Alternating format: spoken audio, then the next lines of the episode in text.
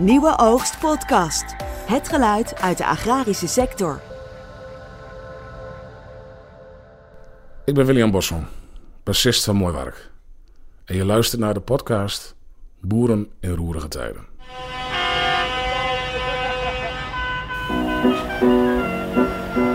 En ik heb mezelf de vraag gesteld: ben ik de juiste persoon om als minister leiding te geven aan de opgaven die er liggen? Ik vind ook echt van nou dan moet dat kaartje van tafel en dan ga ik nu samen met iedereen kijken hoe gaan we in het vervolg communiceren. Boeren in roerige tijden. Niets is meer wat het ooit was. Families, tradities, wetten, definities. Roerige tijden, roerige tijd. De politiek zit in een tunnelvisie. Nou kan je daar niets mee praten.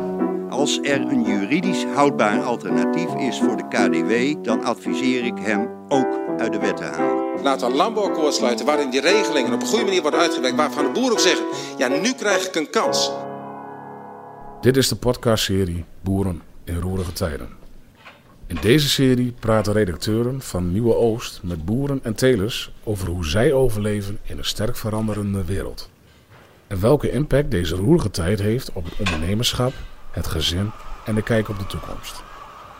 In deze eerste aflevering zit redacteur Thijs Hallema in de kantine van een Gelders boerenbedrijf. Een pluimveehouderij met 100.000 kippen. Nou, we zitten hier in Nijkerk bij eh pluimveebedrijf eh, van Ramshorst. We zitten hier met eh, Henry en met Evert. Ehm, Henry, om te beginnen, zou jij je eens kort kunnen voorstellen? Ja, ik ben eh, Henry Verramsust. Ik ben de jongste van de, van de drie broers. Ja, en eh, ik ben eh, eigenlijk verantwoordelijk voor de, voor de, voor de, voor de eieren. Mhm. Ja. En je zegt al, jij bent een van de broers. Een van jouw broers eh, zit hier eh, zit naast jou. Ja, Dat is Evert. Dat klopt, ja. Dat Ja. is Evert. Ja. En die eh, heeft altijd eh, in de kalveren gezeten. En eh, sinds eh, anderhalf jaar eh, zit ik ook helemaal in de kippen. En eh, we doen het al, eh, ik denk, eh, een 20, 25 jaar samen met nog een eh, oudere broer. En die zit op een ander bedrijf. Oké, dus het echt een familiebedrijf is het dus. Ehm, en de, de volgende generatie eh, klopt ook alweer eh, op de deur, of niet? Mijn oudste broer, zijn zoon, eh, die werkt al volledig mee in ons bedrijf. En mijn zoon die is nu ZZP'er. Die verhuurt zijn eigen en die is eh, de bedoeling eh, dat hij in de toekomst erbij komt als eh Evert eh, ermee gaat stoppen. Als ik er klaar mee ben, zeg maar, dan eh, stap ik eruit. en, en kun je een termijn geven wanneer ben je er klaar mee, denk je? Ja, eigenlijk bijna elke dag.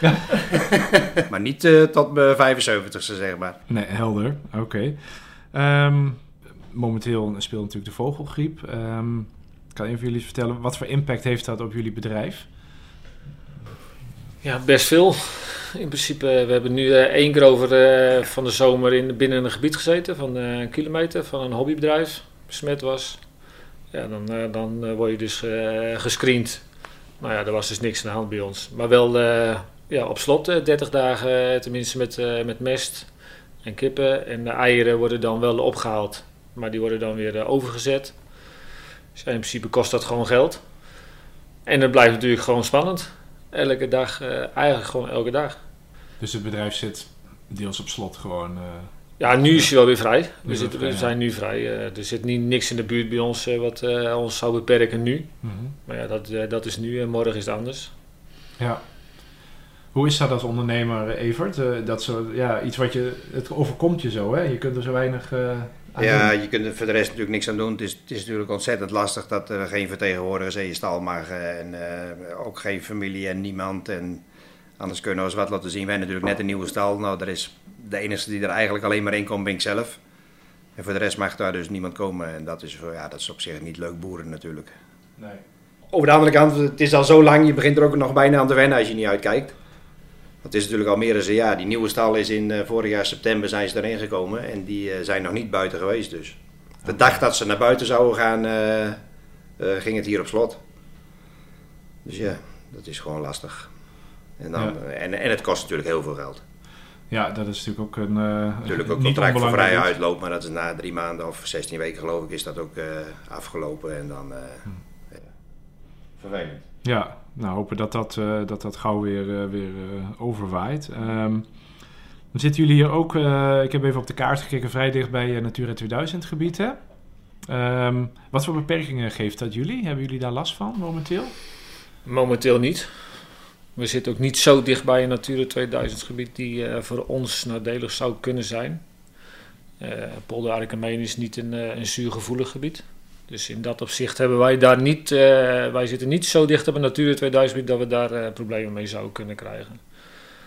Wat we natuurlijk wel hebben met de Polder Arkenmeen, als we even terugkomen op vogelgriep. Er zitten natuurlijk wel enorm veel ganzen. Eh, dat zit gewoon de hele winter eigenlijk door vol. En dat is, wel, dat is voor ons misschien nog wel spannender. Ja, daar gaat de laatste tijd ook in de politiek nog wel eens over. Hè? De, de, de wenselijkheid van pluimveebedrijven in, in waterrijke gebieden. Is dat een, een zorg bij jullie wel, eh, richting de toekomst ook? Eh, als je kijkt in de polder algemeen wel, eh, ja, zou je het denken haast van wel. Hoeveel ganzen er zitten, maar ik denk ja, dan lijkt mij dat er heel Nederland wel ganzen zitten. En ja, als je nu uitbraken ziet in Limburg en Brabant en overal, daar zit natuurlijk ook niet overal water. Dus ik denk dat dat volgens mij moeilijk te bepalen is. Ehm, we hebben natuurlijk een, ja, we hebben meerdere crisissen in dit land momenteel. Eh stikstofcrisis is, eh, is natuurlijk ook een, hele grote. Ehm, raakt de stikstofcrisis jullie ook? Hebben jullie daar momenteel... eh, Nee, hebben we op, op momenteel eigenlijk ook niet heel veel last van. En ik denk dat we dat ook niet krijgen, maar, want er zit hier in de buurt natuurlijk heel weinig. Wij zijn eigenlijk nog een beetje de enige, nou niet helemaal de enige, maar er zitten niet heel veel nog grote boeren in de buurt. De rest is eigenlijk allemaal al gestopt. Of, eh, dus wat dat betreft denk ik dat het hier mee gaat vallen. Dat is gunstig voor jullie natuurlijk. Ehm, de energieprijzen bijvoorbeeld. Hè? De, hebben, hebben jullie daar... eh, jullie zullen best veel, eh, veel verbruiken. Ja, we verbruiken inderdaad heel veel. En ehm, ehm, we hebben, ons contract loopt af. Of tenminste, eentje was er al afgelopen, want er ging een bedrijf failliet waar we to- toevallig net energie van hadden. En nu loopt ons contract eh, sowieso aan het eind van het jaar af. En nu zijn we wel bezig met eh, zonnepanelen. En dat gaat denk ik wel gebeuren uh, eerdaags. En is dat dan ook wel noodzakelijk om het nog enigszins... eh, Ja, dat is denk ik wel noodzakelijk, want ik denk dat de energieprijs met zo'n drie tot vier keer hoger gaat worden. En het is hier al hoog, dus... en wij natuurlijk, als ik dan de twee bedrijven reken, dan praat je wel over behoorlijke bedragen. Ja, ja. Dan komt die energietoeslag van 190 euro. eh, Ja, dat, eh, Daar red je het niet mee, hè? Nee, dat, eh, eigenlijk merken we er daar heel weinig van, zeg maar. Ik zag ze wel een keer langs komen, ik denk, nou, ze hebben ze dan wel gestort, maar... Ja, dat soort, dat soort zorgen, hè. Ehm, zoals de, de vogelgriep, de energie, misschien ook wel de, de, de, de, de geopolitieke situatie met, met Oekraïne, Rusland of zo. Ja, wa- wat voor effect heeft dat op, op, op jullie als ondernemer, Henry? Nou, met name de, ik, ik denk als we alle crisis kijken, voor ons is misschien wel de oorlog het ergste. Eh, de voerprijs is natuurlijk eh, enorm hoog. En eh, er gaat naar wat voer erheen bij ons. Dus dat hakt er wel heel erg in. Als ik, als ik echt kijk naar de crisis, denk ik dat voor ons wel een van de, de ergste. ja, natuurlijk voor, de, daar voor die mensen natuurlijk nog veel erger is. Laten we dat voorop stellen. Maar de voerprijzen zijn zo hoog voor ons, dat, dat hakt er echt in. En dat duurt nu ook al natuurlijk een hele tijd, eh voel Ja. je dat? Ja. Ja, en we hebben, we hebben contracten op de eieren zitten, dus eh, ja, de, de hoge eierprijzen krijgen we ook niet. Eh, Die dan overal geschreven wordt dat er tekort is aan eieren en alles en de eierprijzen erg hoog zijn. Maar ja, we, we hebben een contract afgesloten met een nieuwe stal, dat was ook verplicht voor de bank. Dus ja, dan, dan zit je er nu aan vast. En dan wordt, er wordt wel iets gecompenseerd, maar niet naar die prijzen die nu de marktprijs is. Nee. Helaas. Ja, en als je de voerprijs wil compenseren, moet je al gauw 3 tot 4 cent meer per ei hebben om dat eh, weg te werken. Oké, dus, dat eh, zijn echt grote bedragen. Ja, dat is echt veel, ja. Ja. Hoe houdt jou dat bezig, eh Henry? Eerst met jou te beginnen. Ehm, maak je je veel zorgen om? Zit je daar, loop je daar om te malen ook als je s'avonds in bed ligt? Of? Nou, als ik in bed lig, eh, maal ik daar over het algemeen niet over. Nee, ik het, ik moet zeggen dat ik daar niet heel veel last van heb. Wel bijvoorbeeld zoals met, met, met de vogelgriep eh, in de buurt, eh, pas met het hobbybedrijf. Ja, dan, dat, dat is wel zorgen. Da- dan heb ik er meer last van als dat ik nu met die voerprijzen heb. Eh, ik, ik hoop natuurlijk dat het gewoon beter weer gaat worden. Alleen hoe, de- hoe dat zich zal gaan ontwikkelen, dat weet natuurlijk niemand. Ik, ik heb daar gewoon geen idee van. Maar ik, ik maak me daar, daar eigenlijk in, in, ja, in zoverre zorgen. We, we kunnen het nog betalen, laat ik het zo zeggen. Ja. Maar de, de vogelgriep is, zou voor ons eh, natuurlijk helemaal een ramp zijn. Eh, de- daar maak ik me dan meer zorgen om als, eh, als om dit, eigenlijk. Wij hebben in 2003 vogelgriep gehad. En als je dan in je stal loopt, nou, de, je hoeft niet na te denken om niet te gaan bellen naar de NVWA of naar je dierenarts. Want ze vallen gewoon bijna dood voor je neer. Ja. S'morgens begin je met 25 eh, uitvallen, s'avonds liggen er 1500 dood. Gaat dat zo rap? Ja, zo rap gaat het. Dat is echt, eh, dat, dat is gewoon bizar. De vogelgriep hangt pluimveehouders als een zwaard boven hun hoofd en de stal. In de afgelopen maand waren er weer uitbraken in onder meer Limburg, Friesland en Zuid-Holland. Het aantal geruimde vogels over het afgelopen jaar wordt door de NVWA geschat op zo'n 6 miljoen. Het bunt roerige tijden. Het is natuurlijk niet waar we op gerekend hadden toen we, die, eh, toen we een nieuwe stal bouwden. En we hadden natuurlijk al een keer een, eh, een het jaar daarvoor ook al een nieuwe stal gebouwd. Er was er eentje afgebrand. Dus ja, dan eh, kom je wel een hoop tegen in een tijd van eh, drie, vier jaar, zeg maar. Dat zijn wel, eh, wel, wel flinke ontwikkelingen waar jullie dan ook mee te maken hebben. Eh, kun je iets vertellen over die brand, eh, Henry? Ja, de brand eh, was op ons andere bedrijf dan, bij onze oudste broer. Daar was in eh, 2019. Ja, de, die, ik werd s'nachts om vier uur opgebeld door mijn broer, of half vier. Ik denk, eh, dat is eh, niet goed. Dus die belt eh, s'nachts om half vier, lijkt me. En ja, daar staat de stal in de brand. En dan, ja, dan, dan, dan, dan kom je ook in, in een molen waarvan je ook niet weet waar je in terecht komt. Natuurlijk ook gelukkig nog nooit meegemaakt, maar ja, het is, het bizar. Als je er aankomt rijden en je ziet gewoon dat die hele stal al van voor en achter in brand staat, dan weet je al van eh, dit is mis. En dan, dan, begint weer, dan begint alles eigenlijk eh, pas te komen. Hè? De, de, de verzekering, eh, de- de- hoe, hoe ga je dat doen? Eh, ja, het, komt zoveel op je af in, in, in zo'n kleine tijd. Dan, dan, moet je gewoon, dan, dan moet, dan moet je gewoon schakelen. Eigenlijk is dat het enige wat, wat, wat er moet gebeuren. En dan, en dan is het voordeel, vind ik dan misschien wel, dat we dan altijd met z'n drieën zijn. Mhm. Of eigenlijk met z'n vier of vijf als eh, dan de zoons erbij rekenen. Dus er is altijd wel wat eh, weer samen te overleggen en te praten en te helpen om daar weer doorheen te komen. Ja, dus jullie staan er eigenlijk nooit alleen voor in de, in de beslissingen die je moet nemen en de, de dingen die op je afkomen. Eh, Wij overleggen eigenlijk alles eh, met z'n... Als, als er echt dingen overlegd moeten worden, dan doen we het altijd met z'n drie of met z'n vieren. Ja. Ja, zeker.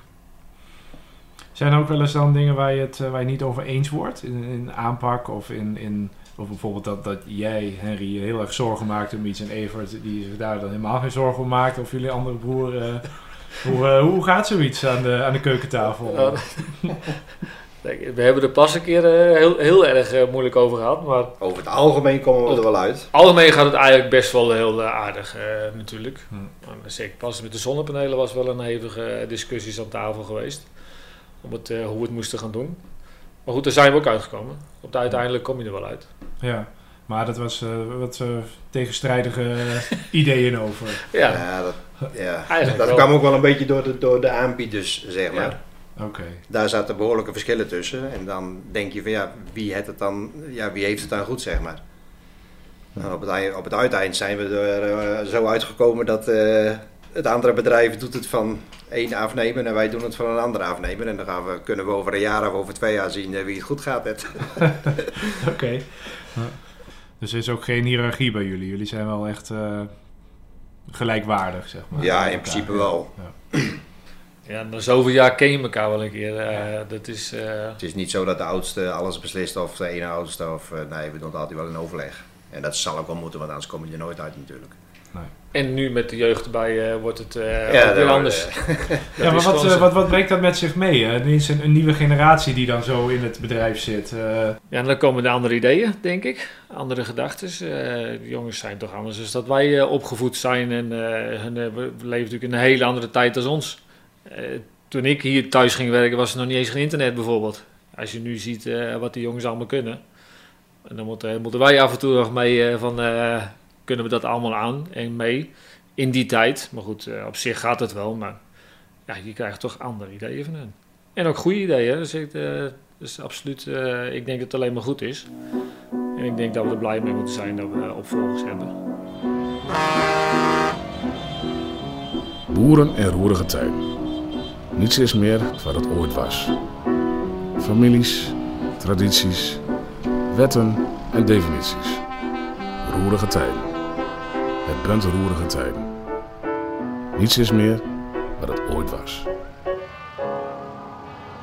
Hoe houden jullie eh, je, je hoofd koel in, in, in deze tijden? Je bent wel onderdeel van een sector die gewoon onder vuur ligt. Tuurlijk, dat, dat is ook zo. En, eh, en, en dat volg je natuurlijk ook wel. En eh, ik ben er natuurlijk eh, eigenlijk gewoon nergens mee eens zoals met de pasmelders omgaan. Dat is natuurlijk gewoon niet goed. Voor, voor de sector niet, voor niemand niet. Eh, het is eigenlijk hetzelfde zoals eh, wij hier de vergunningen aangepast hebben voor, eh voor nu. En dat ze morgen komen van we trekken een vergunning in. Die natuurwet, eh die, die MBW-vergunning. Ja, dat, dat, zou natuurlijk, dat, dat kan natuurlijk eigenlijk helemaal niet met zulke investeringen. En dat is natuurlijk met de pasmelders natuurlijk precies hetzelfde. Dus ik denk zeker met, met, zulke mensen ook mee. Dat is makkelijk zat. En als er gestaakt wordt, dan doen we ook mee. En ik vind wel, ja, de, de, de afstand tussen de burger en de boeren, die zijn gewoon te groot. En, eh, en, en, dat, en, en tussen de regering dan, zeg maar. Of de overheid, hoe je het noemen wil. En, en hoe we dat gaan veranderen, weet ik niet. Maar dat verandert volgens mij voorlopig helemaal niet. Ook al willen ze dat heel graag, wat Remkes allemaal bedacht heeft. De kloof blijft even groot.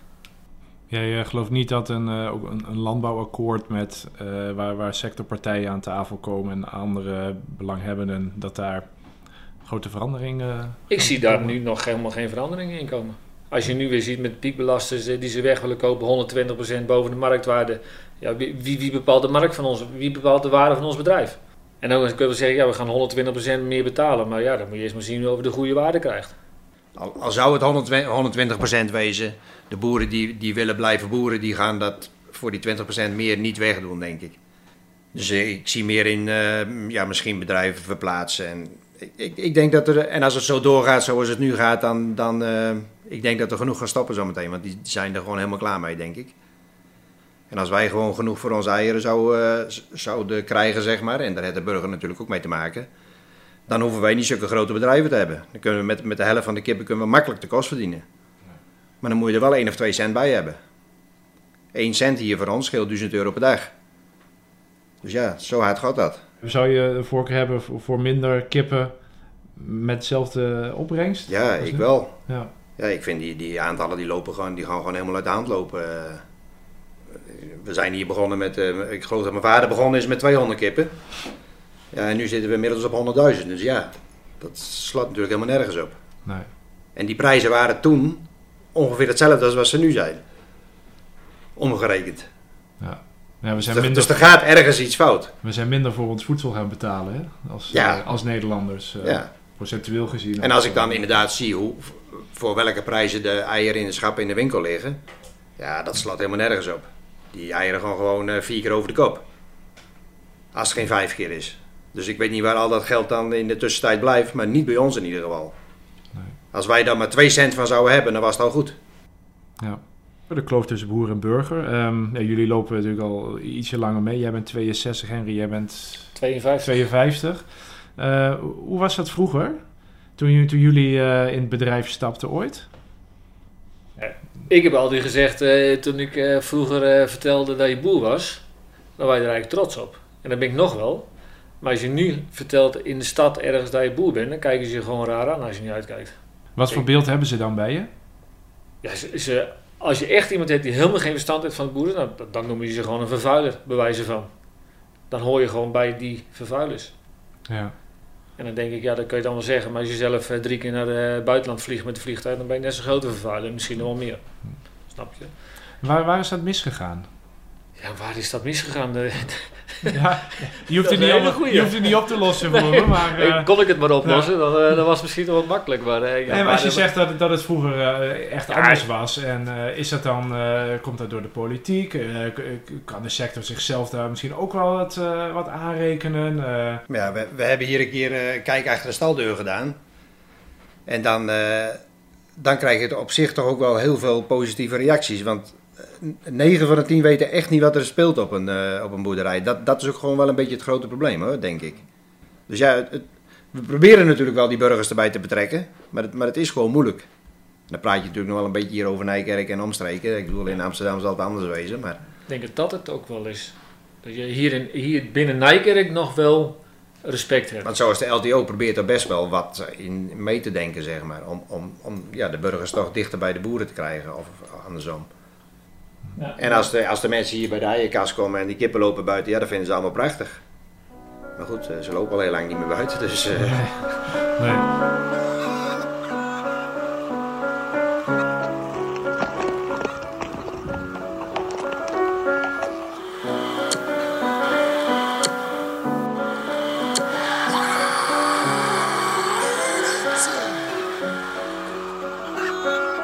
Wat is jouw manier om te ontspannen buiten het werk om? Hoe maak jij je hoofd leeg? Eh, ja. ik, eh, ik, ik, zit in een DAT-team. Dat vind ik heel erg leuk.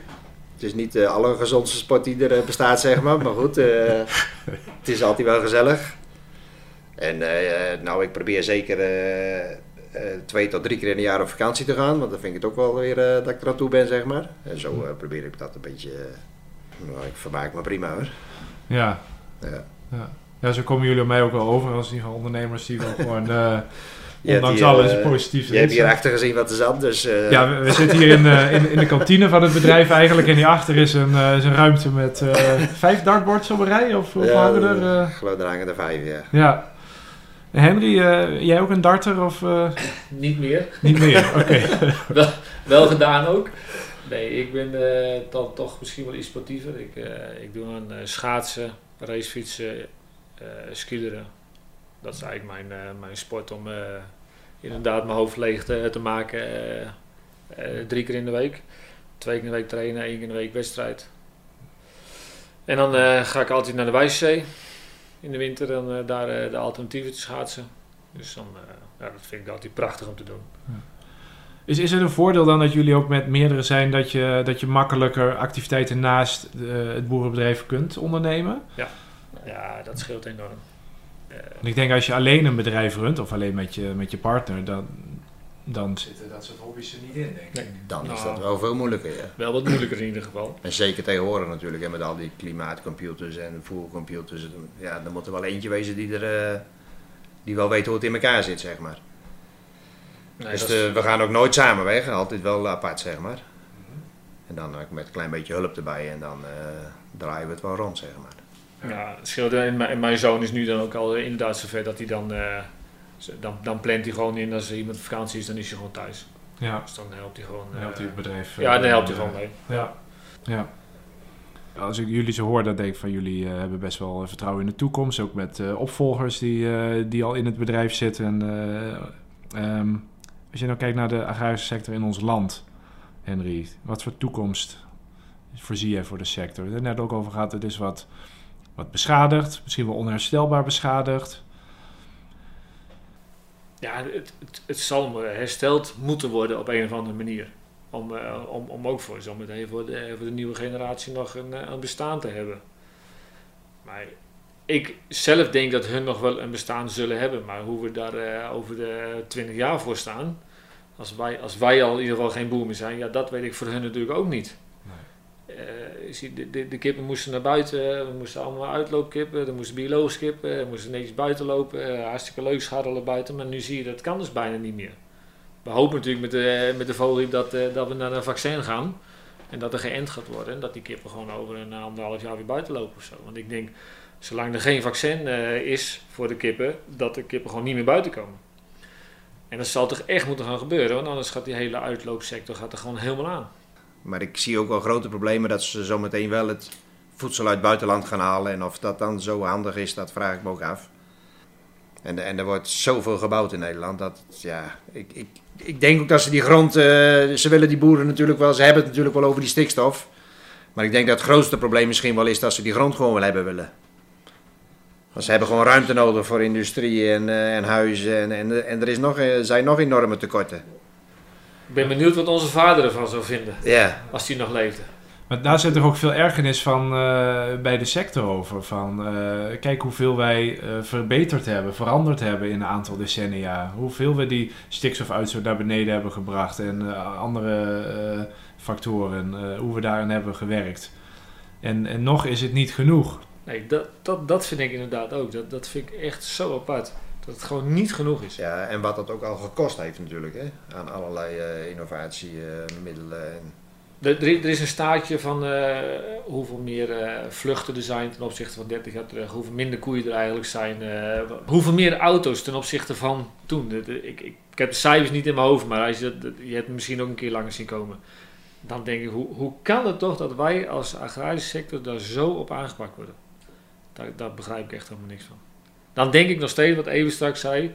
Ze zijn maar eigenlijk volgens mij maar op één ding uit. En dat is grond om te gaan bouwen. En Nederland zit vol, denk ik. Ik denk dat we er allemaal wel over eens zijn.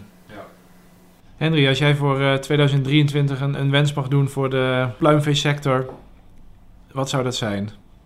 Ik hoop eh, dat er een eh, vaccin komt tegen vogelgriep. Dat, eh, dat we daar eh, een goede stap eh, kunnen maken. Dat, dat, eh, dat we daar in ieder geval van die spanning af eh, kunnen komen, hopelijk. En ik hoop natuurlijk enorm dat die oorlog gaat stoppen in Oekraïne. In eerste instantie natuurlijk daar voor de bevolking zelf. En daarna natuurlijk voor ons eigen dat er weer alles weer op gang komt en dat die voerprijzen weer wat kunnen zakken. En dan, dat, dat is denk ik wel de, de, de wens voor, voor het volgend jaar. voor mij. Evert, heb jij eh, daar nog een mooie wens aan toe te voegen? Nou, dat wordt wel iets lastig, denk ik. ik denk dat dat inderdaad wel de, de twee grootste eh, wensen zijn die er, eh, ja, die er op dit moment leven. Ja. En voor de rest hoop ik dat we gezond blijven en eh, nou ja, dat het bedrijf weer gaat lopen zoals we verwacht hadden, zeg maar. Maar goed, dat heeft natuurlijk daarmee te maken. Dat is één wat zeker is. Henry, Evert, mag ik jullie eh, hartelijk bedanken eh, voor jullie openhartigheid. En eh, heel veel eh, succes wensen in het nieuwe jaar met jullie eh pluimveebedrijf. Dankjewel. Dank u. Dit was de eerste aflevering van de podcastserie Boeren in roerige tijden. Morgen praat redacteur Kimberly Bakker met paprika-kweker Hans van der Waal over de hoge energieprijzen, een mislukte paprika-oogst en hoe hij steun vindt in het geloof om op een positieve manier door te gaan.